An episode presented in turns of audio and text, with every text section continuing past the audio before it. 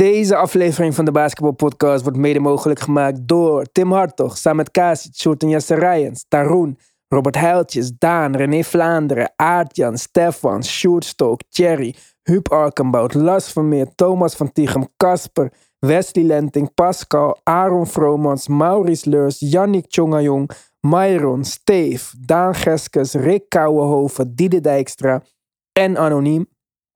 Als jij nog niet bij onze groepschat zit, exclusief voor Petje Afleden natuurlijk, dan mis je wat. Het was als basketbalfan in Nederland nog nooit zo leuk om de playoffs te volgen. En bovendien help jij ons met jouw Petje Af abonnement om DBP in de lucht te houden en te bouwen aan onze community. Als je extra podcast wil of je wilt meechatten, dan kun je een abonnement nemen van 6, 9 of 12 euro. Als je ons alleen wilt steunen, kun je ook een eenmalige donatie maken, zoveel als je wilt. Ga naar de basketbalpodcast.nl, basketbal met 1L en kies luister op Petje Af. Alle support wordt gewaardeerd. Let's go!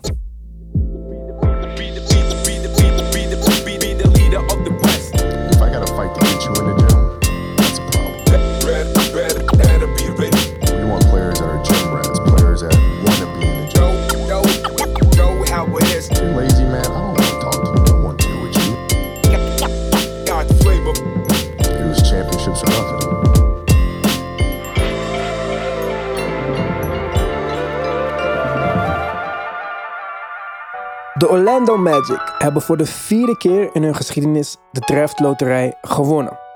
Wat inhoudt dat zij 23 juni als eerste mogen kiezen uit alle nieuwe spelers die zich hebben aangemeld voor de draft. Elke speler die in de NBA wil spelen, moet zich voor een draft hebben aangemeld. En als de speler op draft day niet wordt gekozen, is hij als undrafted free agent vrij om te tekenen waar hij wil. De teams die het laagst zijn geëindigd in het regular season hebben in theorie de grootste kans om het hoogst te eindigen in de draft lottery. Orlando had samen met de Houston Rockets en de Detroit Pistons een 14% kans om de zo felbegeerde nummer 1 pick te bemachtigen. De laatste keer dat de Magic als eerste mochten kiezen, draften zij Dwight Howard. Die keer daarvoor, inmiddels 30 jaar geleden, kozen ze Shaquille O'Neal. Ook dit jaar is de kans groot dat met de nummer 1 pick een big man wordt gekozen. Aangezien in de laatste mock draft de top 3 projected picks big zijn. Orlando kennende, en daarmee bedoel ik eigenlijk het front office van Orlando kennende, zullen ze Gonzaga center Chad Holmgren hoog op hun verlanglijstje hebben staan. Een 7-footer met een wingspan van 2,28 meter heeft natuurlijk geweldige rim protector upside en sluit naadloos aan op hun draftfilosofie. Ditzelfde team van managers en scouts heeft immers ook Giannis Antetokounmpo gedraft toen ze werkzaam waren in Milwaukee. En voor de Orlando Magic kozen zij al eerder Mo Bamba, Jonathan Isaac en Frans Wagner met hun first round picks. Small ball heeft dus blijkbaar niet hun voorkeur. Ook de Thunder zijn in de markt voor een big, aangezien hun backcourt met Shea en Giddy al overloopt van talent. Gelukkig voor hun en Mark mogen zij als tweede kiezen. En zoals ik al eerder zei, de top van deze draadklaas zit vol met talentvolle big men.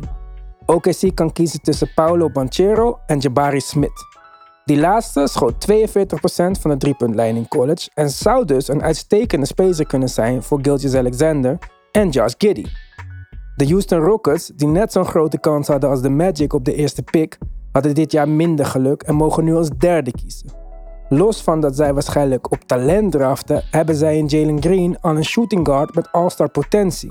En lijkt de meest logische keuze voor hen om Green te koppelen aan Paulo Banchero en zo een dynamisch duo te creëren. Wij maken natuurlijk in de aanloop naar de draft of na de draft nog wel een draft special. En nu gaan we natuurlijk gewoon lekker praten over de playoffs. Maar in de tussentijd kunnen fans van de teams met de hoogste draftposities alvast dromen over hun volgende sterspelers. Die mogelijk hoop kunnen brengen aan juist die franchises die het zo hard nodig hebben.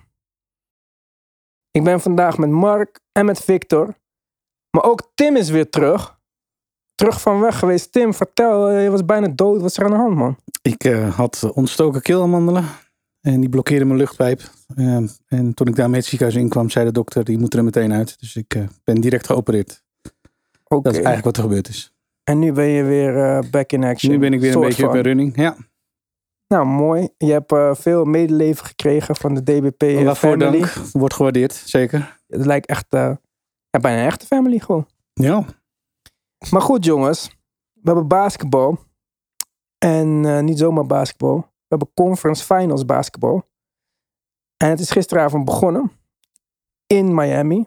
Met hun lelijke vloer. tegen de Boston Celtics.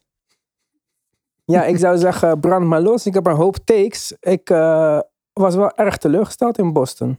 Waarom was je teleurgesteld? Eerste helft waren ze toch voor, met gemak. Nee. De eerste helft waren ze voor, zeker. Acht punten voor om precies te zijn, voor de rust.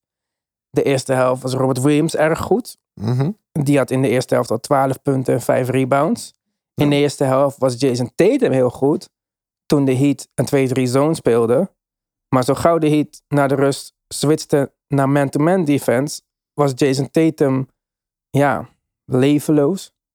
Turnover na turnover. En hij liet zijn hoofd hangen en dat was het dan voor de wedstrijd. Oké, oké. De meeste teams na zeven wedstrijden tegen Giannis. Mhm. Ik ben zo gewend aan een dominante force. De aanpassing binnen, ze hebben niet eens 48 uur gehad tussen die twee wedstrijden, is zo groot. Ik was eigenlijk niet boos op ze. Ik dacht, ze hebben echt enorm goed gespeeld voor alles dat is gebeurd. Nou, dominante force hoefden ze niet veel aan te passen, want Jimmy Butler had 41 punten. Dominant vind ik dat niet, want eh, als je Peyton, Nee, het was als, niet dominant. als 41 Peyton. Pritchard, eh, als je mag Peyton Pritchard aanvallen voor 30 minuten in een wedstrijd, vind ik dat iedereen zo dominant eruit zou zien. En dat is niet iets tegen Peyton Pritchard, maar als Jimmy Butler hem niet kan domineren, dan is Jimmy Butler in de verkeerde, in de verkeerde sport. Ja, ik weet niet. Eh, Blijkbaar denken wij er anders over. Voor mij was het zonder Marcus Smart en, en zonder Al Horford. Eh, klei- kleine jongetjes, onvolwassen team. En eh, ik vond het helemaal eh, niet bijzonder. Ik weet dat jij hoopvol bent voor de volgende wedstrijden. Maar ik zie het heel anders. Victor, Tim. Eh, ja, ik, nee, ik vond het gemis van Smart vooral heel erg groot. En het viel mij tegen dat, dat ze dat niet met de rotatie op konden, op konden lossen. Dat zoveel minuten voor Pritchard lijkt me niet de oplossing. Dat, eh, dat mogen duidelijk zijn. Hij brengt aanvallend wel wat, maar wordt verdedigend gewoon, gewoon getarget. En eh, Aaron Neesmith hadden we. eh, gaf gaf Een paar aantal- mooie bloks. paar mooie bloks, leuke minuten. Maar uiteindelijk niet de oplossing. En eh, ja, dat, wat mij betreft is het gemis van Smart groter dan het gemis van Horford nog. Mhm. Ehm, en ja, ik vind eerlijk gezegd wel dat eh, als Smart terugkomt voor game 2, wat ik hoop, en anders is het voor game 3, eh, zie ik Boston nog wel als betere team. Maar zo, zo met deze twee afwezigen viel het me niet mee. Ze konden dat niet oplossen met, met de jongens die ze daar in de rotatie brachten. Of eigenlijk vergroten. En dat, dat had ik wel verwacht. Dus dat viel me tegen. Zal ik je wat zeggen over Marcus Smart? Vertel. Ik vond het heerlijk kijken zonder Smart. Geen flops, geen neppe charges, geen gezeik. Ik heb wel wat flops gezien, maar... eh, ja, maar minder. de, ja, de helft minder. ja, eh. ja. ja. Ik het vond- wel, want jij zei het in die aflevering vorige keer. Mhm. En toen ben ik er wel ook extra op gaan letten. Als je, weet je, als je ernaar gaat kijken, dan valt het ook op. Want dat zei je volgens mij ook, hè? Mhm. Ja, en dat, dat is wel zo, ja. Ja, vind ik ook. Ik, eh, ik- waardeerde hem altijd heel erg. Omdat ja, hij werkt keihard. Hij is een Mhm. goede verdediger. Kan ver boven zijn size verdedigen. Dat zijn allemaal dingen die mij heel erg bevallen. Toen in die vorige serie vond ik dat hij aanvallend een beetje te vrij was. Of zich te vrij voelde eigenlijk. En daarmee kwamen dan die flops en dat gejank de hele tijd. En dacht ik, nee, nee, nee. Ik vind het niet leuk. En als je er dan op gaat letten inderdaad, dan begint het je te irriteren. Ik snap dat je als Boston-fan blij bent met hem, maar ik ben geen Boston-fan. Ook geen Miami-fan. Ik ben gewoon een neutrale toeschouwer. En ik vond het gewoon hinderlijk. Dus toen hij er niet was, dacht ik op de helft van de wedstrijd, hé. Hey. Want ik zag hem op de bank, ging hij in zo'n Hij time-out ging hij praten. En Ik wou zeggen, hij was wel echt aanwezig. ja, maar Ja. hij, ik, ja, oké, maar die time-out kan ik doorspoelen. En de Ja. wedstrijd niet. Dus eh, ik was wel even blij dat hij er niet bij was eigenlijk. Ja, snap ik. Maar ja, aan, aan Boston kant vond ik het gemis echt groot. Ik denk dat als hij er wel weer is, dat, eh, dat het wel wat beter in elkaar valt. En helemaal in deze matchup, met een, met een Jimmy die aan de andere kant natuurlijk eh, het gevaar nummer één is. Ja, is wat mij betreft Smart daar een integraal onderdeel van. Maar wij zaten net even buiten. En toen zei Mark, dit was het. Dit, dit was het voor Miami. Mhm. Boston komt terug. Mhm. Dat vind ik wel tegen een team wat alleen maar heeft bewezen dat ze veerkrachtig zijn. En waarom? Ik zou het eigenlijk niet zeggen. Oké, moeilijkste wedstrijd voor Boston tegen de Brooklyn Nets. Eerste wedstrijd. Moeilijkste wedstrijd tegen, we zeggen, Milwaukee. Waren ze waren gedomineerd. Eerste wedstrijd. Team is blijkbaar niet goed in aanpassen de eerste wedstrijd. Ze leren van alles. En dan de tweede wedstrijd hadden ze Milwaukee plat gemaakt. Tweede wedstrijd tegen Bro- Brooklyn plat gemaakt. Ze gaan wat aanpassingen maken. volgende wedstrijd. Jimmy gaat switchen aan Marcus Smart. Mee- wie, Robert Williams was zo moe na de, eerste helft. Je zag, hij was gewoon klaar. Bam, toen speelde Bam eindelijk een beetje. Maar Bam is elke keer dat hij tegen Robert Williams speelt, shadow van zichzelf. Dus ik maak me geen zo. Kijk, als Heftige Hoffert, uitspraken binnen, als. Hoffert derde wedstrijd terug is, hij nog binnen zes wedstrijden klaar is. Het was zo makkelijk voor Jimmy. Je zag, het was zo makkelijk. Hij kon alles krijgen wat hij wou. En dan je moet dan nog, nog meer kijken. Ze hadden echt, Stroes had moeilijke schoten gemaakt. Tyler Hero had moeilijke schoten gemaakt. En Gabe Vincent. Vincent. Gabe Vincent. Ja. Dus als alle drie van hun hoe grote schoten aan het maken zijn. Ja, natuurlijk als vier, vijf van je spelers een beetje hot zijn. Passen in de tweede helft was koud. Ja, maar Peter Pritchard was ook hot. Die kan ook cold zijn in de volgende wedstrijd. 18 punten van Peter Pritchard ga je niet krijgen de rest van de serie hoor. Mm, daar maak ik me niet zorgen. Dat is, eh, ik maak me echt niet zorgen dat Peyton Pritchard minder minuten gaat krijgen. Derek oh, White. defensively was de issue. hè. Dat is de, dat is de issue. Als je, Ja, Oké, maar daarvoor heb je Derek White toch? Maar die deed aanvallen en drie punten. nou, hij is geen drie puntschutter. Ja, maar hij heeft maar drie punten. Dus de hele playoffs al. Ja, Ah, hij brengt aanvallend te weinig. Verdedigend doet hij het wel goed. Ja. ja. dus dat is dan toch je Ah, een afweging. paar mooie, paar mooie Daarom ben ik het ook niet helemaal met Mark. In de sens dat ik denk dat, om maar eens een voorbeeld te noemen. We gaan nog een keer een hero breakout game krijgen. In deze. Ja. Ik bedoel, dat, daar zal, zal niemand van staan te kijken. En Jimmy, een Stroes, Hot Night. Ja. Dus ik, ja, het is niet zo dat ik nu denk dat Boston er overheen loopt. Zeker niet als eh, het blijkt dat zowel Horford als Smart eh, voor game 2 nog niet zijn. Wat best een reële mogelijkheid is. Want Ja. wat mij betreft is het dan gewoon eh, helemaal niet zo verrast als Miami hem toch weer pakt. En niet alleen de spelers, Victor. Maar inderdaad ook de, ook de coach. Dus eh, net gelezen dat het een non-COVID illness is. Oké. Maar wel een illness. En wat Ja. het precies is en hoe lang dat duurt. Als het keelamandelen zijn die in de weg zitten van je luchtpijp, dan ben je twee ja. weken uit de running. Nou, dus, mensen, eh, succes. Ja. En daar wil ik ook nog wel een opmerking over maken. eh inhakend op wat je net zei. Ehm, het voorbeeld gaf je van Milwaukee. Die natuurlijk ook bekend staan met een coach die niet heel erg veel aanpassingen doet. Ja, ze spelen nu tegen een team met een coach die dat zeker wel kan. En ook zal gaan doen. Zeker wel. Hij Ja. heeft het in vier kwarten gedaan. Ja, hij heeft het eh, nu al gedaan. Laat staan deze serie. Dus ik denk dat ze daar wel een, een andere pijp gaan roken dan de afgelopen ronde. In, in de sens dat ze nu een, een coach treffen die, eh, die wel flexibeler is. Een flexibeler team Mhm. heeft ook. En zeker niet zal schromen om aanpassingen te maken. Dus ja, eh, zo makkelijk wordt het niet voor Boston. Ik ben, dat kan ik me niet voorstellen. Nee, en je zei het zelf, hè? ze staan voor in de eerste helft, toch? Ja. Ze komen in het derde kwart. Het is een 39-14 kwart. Dat is al heftig als je zo uit de rust komt. Ja. Maar daarbovenop komt ook nog eens dat Tatum maakt op een gegeven moment een fout op Deadman. Dat is niet zo'n harde fout. Hij raakt hem gewoon in zijn gezicht. En gaat gelijk vragen om een replay. Zo verontwaardigd. Je ziet de replay, je ziet dat hij hem gewoon raakt in zijn gezicht. Maar hij jankt gewoon een half uur als een bitch. En daarna zit hij gewoon niet meer in de wedstrijd. Elke paas die hij maakt is slordig. Ja, ik weet niet. Ik vond het een beetje diva-gedrag dat je je zo uit het veld laat sta- slaan door een klein incident. Maar de- hij werd ook een beetje overdonderd door die defense. Omdat je er wel switcht in Ja, de tweede helft. En ja, hij, weet niet gewoon hoe hij moet aanpassen. PJ Tucker was terug. Ja, ook dat. Wat ja. mij betreft heel belangrijk. Ja, maar alsnog, dit is toch Jason Tatum. Mark noemt hem al vijf jaar de Young King. Je mag hem ook meer van hem verwachten. Ja, absoluut. Ja. En geldt, hetzelfde geldt voor Jalen Brown. Die ook weer niet Ja. meer viel. Ja. Jalen Brown verwacht ik dit niet meer van. Maar het moet toch gewoon de nummer twee zijn daar. En dat was, ik bedoel, gisteravond was toch niet wat je van hem mag verwachten, of wel? Nee, maar ik was nog meer teleurgesteld in Jason Tatum. Hij heeft zo goed gespeeld de vorige serie in vierde kwarten tegen ook een hele goede defense. Dus hij kan dit. Alleen wat ik zei, het leek voor mij meer op een attitude probleem dan een talentprobleem. En dat vind ik niet oké. Hmm. Maar goed, er is nog geen man overboord, toch? Ze hebben drie kwarten hebben ze in principe gewonnen. Oké, dat derde kwart, toch? Twee kwarten, toch? Ik dacht die derde ook, of die laatste bedoel ik. Ja, het derde kwart was in ieder geval... Ze- ja, laatste kwart misschien. Ja, ja, ja. ja, ja, dat kan wel. Dus ja, en dus waren we echt, echt aan het begin van die tweede helft natuurlijk eh, echt heel koud. Ja. Door ook dat ze verrast waren. Deze Mhm. nieuwe defense. Wat moeten we doen? Eh, Bam had een paar mooie recovery blocks en zo. En eh, ja, de Heat spelen gewoon hard. En de Heat zijn, geven nooit op. Dit hele team is gebouwd uit krijgers, zeg maar. Van, ja, hoe zeg je dat? Ja. En dat is bij, bij Boston gewoon toch iets anders. Kijk, we hadden het net over de draft en de draft lottery. We hadden het ook voor de uitzending over de draft. Bijna alle sterren nu in de NBA, van Kawhi tot aan Giannis en zo, zijn, zijn geen top picks. En bij Boston zitten er alleen maar top eh, team picks in de starting line-up. Van eh, Tatum tot Brown tot Horford. Als je kijkt naar de Miami line-up, hè, dit is gewoon een team wat in de conference finals staat. Hè? Mhm. De line-up, ik heb hem voor me. Gabe Vincent, undrafted. Max Strus, undrafted.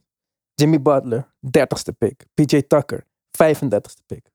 En Bam is de 14e pick. Hoogste pick is de 14e pick. De rest is amper eerste ronde. Eentje maar in de eerste ronde. Het team staat gewoon in de Eastern Conference Finals. Het is leuk die draft dingen, maar hard is belangrijk voor dit. eh, Ja, en goed management. ja, en dat hebben ze zeker. En een goede coach hebben ze ook zeker. Maar datzelfde kun je ook van Boston zeggen, vind ik. Dan coach heeft zichzelf zeker bewezen. En eh, Ja, ik vind de Heat daarin een uitzondering. Maar dat zijn ze al, al tijden. Dus dat is, eh, dat is niks nieuws. Maar wel, wel uniek, absoluut. ja, ik vond het wel knap. Lijkt bijna een beetje de Spurs. Alleen eh, Spurs hadden zelfs nog mazzel met, eh, met Tim Duncan en zo. Ja. Dus ja, ja, wat ik zei. Ik was licht teleurgesteld. Na game 1 tegen Milwaukee zei Mhm. je, ja, deze Celtic team zijn eindelijk tegen dominante speler gekomen. En ze gaan, de serie is over, zei je na de eerste wedstrijd. Hetzelfde, hetzelfde gaat gebeuren nu. Heb ik dat gezegd? Ja, ja. Tegen een met domina- 15 punten gewonnen. Jason Tatum was slecht. Milwaukee dominant. Ik geloof jou als je zegt dat ik dat heb gezegd. Ik kan dat me niet herinneren. Nee, ja, het recept was wel hetzelfde. Ja. Alleen ja, daar kwamen ze, nog, eh, daar kwamen ze net weg, goed weg natuurlijk. En nu niet. Maar nee, ik denk ook dat, nog steeds wel dat Boston hem, hem gaat pakken. Maar het wordt wel een lange serie. Hmm, ik denk dat ik eh, voor Miami ga. Ik denk het ook. Ja, Ja, ik denk het ook. Miami in? Miami in 6. Ja, sluit me aan 6. Boston 6. Boston 6 dacht ik ook. Ik zie een mogelijkheid voor een Zo'n weddenschap. team-up uh, team weddenschap. dit. Ja, ja. Ja. Let's go. Maar hoe gaan we het aanpakken dan? Het moet gewoon 6 zijn, beide kanten. Als, anders is het gewoon eh, wiped. Ja, moet wel echt. De precieze. Ja, Ja, ja, ja. game 6, Boston. en wat is game het six, bedrag? 20 pp. 20 pp? Wauw. 10 pp? Doe maar 10 pp. 10 ik wil pp? graag wel mijn eh, 20 euro terugwinnen die ik zo meteen aan Victor ga geven. Maar, Ik zet hem eh, gelijk weer in, weet je wel. ja. Ja. maar ik wil niet alles weer kwijt zijn. Dus, eh, of eh, ik wil niet dan eh, dubbele kwijt zijn. 10 pp. 10 Yep. pp, jullie horen het hier. Alright. Wij twee zeggen Miami Heat in 6. Jullie zeggen Boston Celtics in 6. Oké, nou ik ben heel benieuwd wat het gaat worden. Laat ons weten wat eh, jullie daarvan vinden. Dat kan natuurlijk in onze groepschat.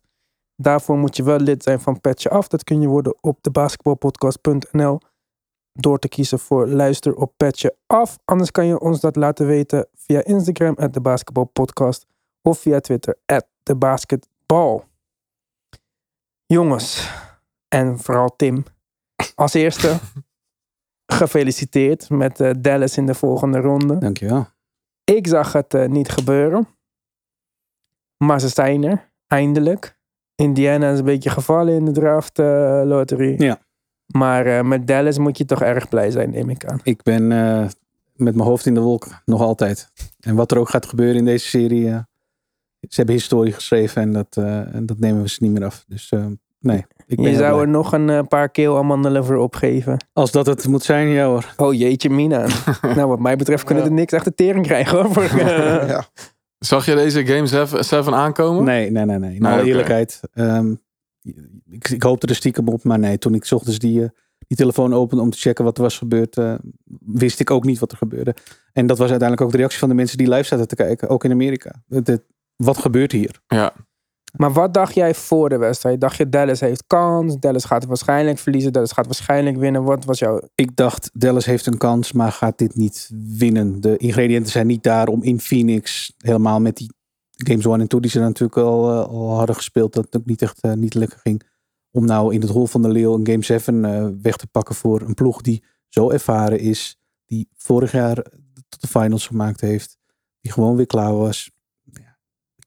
Nee, ik zag in alle eerlijkheid, ik hoopte het, maar ik zag het zeker niet gebeuren. En nu dan? Tegen de Warriors. Ja. ja, nu hebben ze wat mij betreft wel gewoon een kans. Ehm, omdat ze hebben laten zien dat dit, dat dit recept waarmee zij eh, te werk gaan, dat het werkt. En eh, ik, ik verwacht wederom niet per se dat ze Game One eh, in, in San Francisco gaan pakken of zo. Maar dit is gewoon een ploeg die een kans heeft tegen een, een Warriors team dat helemaal geen, geen stopper heeft voor, voor Luca. Dat allereerst. En ja, natuurlijk zijn ze afhankelijk van een aantal factoren. En dat geldt aan de andere kant ook. Maar kansloos? Nee, zeker niet. Nee hoor. Nee, kansloos zou ik ze nu ook niet meer durven noemen natuurlijk. Nee, dat speelt natuurlijk ook wel. Ja, Ja. want dat, ze hebben net bewezen dat ze blijkbaar niet kansloos zijn als je van het nummer 1 team in de NBA wint. Maar dit wordt wel iets anders, neem ik aan. Het wordt heel iets anders, ja. Je- je- Ze treffen een heel ander team. Dus eh, ze zullen sowieso eh, snel moeten schakelen. Eh, alleen ja, het, ik, ik, ik denk dat Dallas ook een team is dat de Warriors niet per se lekker ligt. In deze vorm. Dus even vanuitgaande dat... Ik ben heel benieuwd eh, hoe het gaat zijn qua matchups. Kijk, als wij, eh, als dit drie jaar geleden zou zijn, dan zou Clay Luca verdedigen. Ja. En dan zou ik denken, hm, wordt een pittige serie voor Luca. Ja, klopt. Maar met deze Clay, en hij was natuurlijk de laatste wedstrijd aanvallend gezien fantastisch. Maar verdedigend zie ik toch wel sporen van ouderdom. En ja, die, daar, eh, die kun je niet gebruiken tegen Luca, zeg maar. Daarbij komt ook nog eens dat iemand Jalen Brunson zou moeten coveren. En als dat met Stephen Poole in de starting line-up is, ja, wie moet dat dan voor op zich nemen? Exact, ben ik met je eens. Dat denk ik ook. Eh, ik denk dat zij een teamoplossing moeten gaan eh, verzinnen voor, voor Luca. Omdat ze geen één op één stoppers hebben. Dat is gewoon, gewoon niet wat ze, wat ze hebben. Maar je kan denken aan een Otto Porter. Je kan denken aan misschien een paar minuten voor Kuminga. Kaminga minuten lijken mij interessant. Ja, hij heeft, in, eh, hij heeft, hij heeft kleine porties gehad tegen Luca. Eh, maar die waren alleen niet heel succesvol. Maar goed, je kan je afvragen wie stopt Luca wel als je net vanuit de serie komt waarbij Michael Bridges het ook niet gelukt is. Dus Ja, Je moet wel heeft niet zoveel minuten gespeeld op Luca. nee, nou nee, maar ook niet heel succesvol. Er is geen verdediger momenteel die veel impact op hem heeft. Dus Ja, en eh, in zijn meer prime Iggy zou een goed idee zijn. Ja. Maar ja, Ja. die is ook nog steeds afwezig bij de Warriors. Gary Payton is nog steeds afwezig bij de Warriors. Dat zijn wel een beetje hun beste perimeter verdedigers. Ja, klopt. En dat wordt dus, dat wordt dus een dingetje. En het feit dat ze natuurlijk. eh, eerst de, de vraag zal, zal zijn: hoe snel gaan ze small? Ik neem aan dat er gestart wordt met Looney en aan de andere kant met Powell. Maar zodra die eruit worden gehaald, ja, dat ze zullen naar elkaar kijken. En dan krijg je eh Draymond op de vijf en, en small ball. Waarbij, wat mij betreft, Dallas eh, het, het, eh, dan heel sterk is. Ehm, ja, en dan krijg je eh, wie gaat Luca verdedigen? Hoe ga je Luca verdedigen? En hoeveel gebruik kan Brunson dan maken van het feit dat, eh, dat er zoveel aandacht naar hem toe gaat? Omdat, nogmaals, er is geen one-on-one matchup voor Luca bij de Warriors. Die hebben ze, die hebben ze gewoon niet. Dus ze zullen dat als team moeten gaan, gaan aanpakken. Maar Ja, de pick-and-roll switch tegen de Warriors, waarbij Luca tegenover Draymond Green komt, is niet ideaal. Nee. Maar ja, goed, Lu- Luca is een goede passer. En ik weet niet of, ja, ja ik hoop dat, dat, ik weet niet of Draymond bij krachten is om dat op een, op een goede manier eh, op te lossen. Ik weet niet of dat is wat je wil als Warriors zijnde. Ehm, en ik denk dat Luca daar wel voldoende oplossingen voor heeft. Luca blitsen lijkt me ook geen oplossing. Zeker niet voor, eh, voor long stretches. Eh, want hij heeft bewezen dat hij daar op zich goed, goed uitpaast en goed, goed mee om kan gaan. Ja, dan, dan zet je die schutters natuurlijk in stelling. En die, die hebben zich inmiddels ook aardig bewezen. Dus ja, Maar omgekeerd geldt hetzelfde natuurlijk. Hè? Ja. Want eh, bij Steph en eh, Jordan Poole en Clay wordt het ook vrij lastig. Nou ja, absoluut. Eh, Ze hebben natuurlijk met Dorian Finney-Smith en Bullock wel twee, laten we zeggen, wing defenders. Die allebei niet voor Steph kunnen blijven. Nee, nou, ja, Steph, Steph, is een, Steph wordt een probleem. Ja. En Jordan Poole ook. Mogelijk, mogelijk. Ik vind Steph een groter probleem, zeker eh, in, in Oh eerste gezicht. De all-time eh, high eh, top 75. eh, een van de beste shooters altijd. Is beter dan Jordan Poole. Ja, een betere schutter. Ik vind Jordan Poole misschien nog wel wat dynamischer nu dan, Mhm. dan Steph natuurlijk, wat Steph natuurlijk wel was. Maar wat je misschien wel gaat zien is dat ze die bal zoveel mogelijk uit zijn handen proberen te gaan, gaan, gaan krijgen. Ja. Hoe gaan de Warriors dat oplossen? Ik denk dat er zat dreiging van de Warriors uitgaat. Eh, als je dat heel neutraal bekijkt, hè, op papier, zoals we dat dan altijd noemen, hebben Warriors natuurlijk gewoon het voordeel. Moeten we wel heel eerlijk in zijn. Ik vind de Warriors ook niet super overtuigend dit Nee, jaar. ik, het, ze overtuigen mij ook nog niet. Dus ja, wat dat betreft, eh, dat is eigenlijk het voornaamste waarop mijn, eh, eh, mijn geloof als in eh, dat Dallas zeker niet kansloos is, is gestoeld. Ik, Warriors overtuigen mij nog niet voldoende. Hoe hoog zou jij Luca op de lijst van beste spelers in de NBA zitten als hij de finals bereikt met dit team? Ja, wat mij betreft is hij top 5 en dat blijft hij dan. Ik weet niet of ik hem meteen dan eh, top 3 bombardeer. Dat, dat, volgens mij werkt het er ook zo dat je dat verwacht dat hij dat dan nog een keer doet en nog een keer en niet een, een conference finals run maakt zoals bijvoorbeeld eh, vorig jaar, zoals we vorig jaar gezien hebben. Mhm. Ehm, ja, wat mij betreft is hij legitimate top 5 nu. Oké. Als je ziet wat hij in Game 7 gepresteerd heeft, mag daar wat mij betreft aan bijdragen. Oké. Lucas Savage, guys, tegen de PTSD-line-up van de Warriors. Wat zijn de verwachtingen? Ja, ik ben een beetje verrast ook dat, eh, ook in media, weet je wel, dat iedereen echt eh, eh, de Warriors gewoon als, als duidelijke winnaar ziet. Eh, ik denk dat ze het nog echt redelijk moeilijk gaan krijgen. Dat denk ik echt. Ik, ehm, uiteindelijk denk ik wel Warriors, maar ik denk dat het wel lang gaat duren. Ja, Ja, lang, zes, zeven. ja 7 zou voor mij echt perfect zijn. Ik Dat, ook, als, eh, als neutrale fan wil ja. ik twee zeven game series zien. Natuurlijk. Ja. Eh, laat ik het gewoon op 7 houden, ja. Warriors in 7. Warriors in zeven. Ja. Oké. Denk jij dat er een kans is voor Dallas? Zeker. Maar, Maar dan wordt het een lange serie. maar zou je je geld er ook op durven zetten? En ik ga- stuur niet aan op een weddenschap nu, want eh Ik zou mijn geld nog wel durven zetten op Mavs in 7. Mavs in 7. Ik vind het wel lastig om deze serie eh, te voorspellen. En tegen de tijd dat de mensen dit luisteren, is er al één wedstrijd geweest. Die is thuis bij, bij de Warriors in Ja. Golden State. Ja. Mhm. Of tenminste niet in Golden San- State, San Francisco. tegen deze dagen. Mhm. Maar ehm eh, ik vind het moeilijk. Die wedstrijd gaat waarschijnlijk naar de Warriors, neem ik aan. Dat verwacht ik ook. Historisch gezien meestal. Zo als je uit de 7 game series komt, dan is die first game in de volgende is natuurlijk Mm. lastig. Ja, ja, ja, ja. We hebben veel Warriors fans in de chat. Zo. Ja, ik zeg dan toch maar Warriors. Eh, ik wil geen eh, afzeggingen krijgen van abonnementen of zo. Ja. Ja, nee, ik denk dat het een mooie serie kan worden. Ik hoop dat we veel spektakel gaan zien. Dat ego-bal is niet mijn eh, favoriete basketbal. En hoe mooi Luca ook soms kan spelen, neigt toch wel meer daar naartoe. Wat ik wel eh, nog wil zeggen, is dat het de coaching van Jason Kidd is echt een plezier voor mij om naar te kijken. En wat een ontwikkeling van coach die is weggegaan bij de Nets, weggestuurd bij de Bucks. Toch wel de mening dat de Bucks een stuk beter zijn geworden na de verlossing van die verschrikkelijke Jason Kidd. Twee jaar undercover geleefd, onder een steen, nog opgedoken bij de Lakers als assistentcoach. En met veel twijfelaars begonnen aan eh, dit seizoen bij de Mavericks. Maar dan toch zo, eh, zo coachen vind ik heel mooi om te zien. En vergeet niet dat Igor Kokoskov daar op de bank zit. Die Luca natuurlijk ook kent van het nationale team. En eh, een geweldige aanvallende coach. Was natuurlijk eerste, eerste buitenlandse coach in de NBA. Als hoofdcoach niet gered. Heeft misschien niet die power om een heel team te leiden. Maar qua tactiek en genie in combinatie met Jason Kidd. Heel mooi eh, coaching team. En ze hebben de coach of the year outcoached in de vorige series. Dus dat is wel iets om op te letten. Helemaal Mhm. als Steve Kerr niet 100% is. Mhm. Dus eh, dat is wel interessant. Ja, en niet voldoende genoemd wordt eh, hun verdediging. In Game 7 zag je ook weer het voorbeeld daarvan. Ze hebben een Ja, ja, dat defensive was coordinator. Sean Sweeney. Die wordt nu ook geïnterviewd voor een aantal eh eh, headcoaching jobs. Eh, hij wordt dus ook gezien. Die doet fantastisch, fantastisch werk. De, de defense van Dallas doet het, doet het echt goed. En ik weet niet of hij er iets mee te maken had, maar na die mooie spin moves van Luca laten we ook God Sham God even noemen als de skill trainer bij de Mavericks. Ja.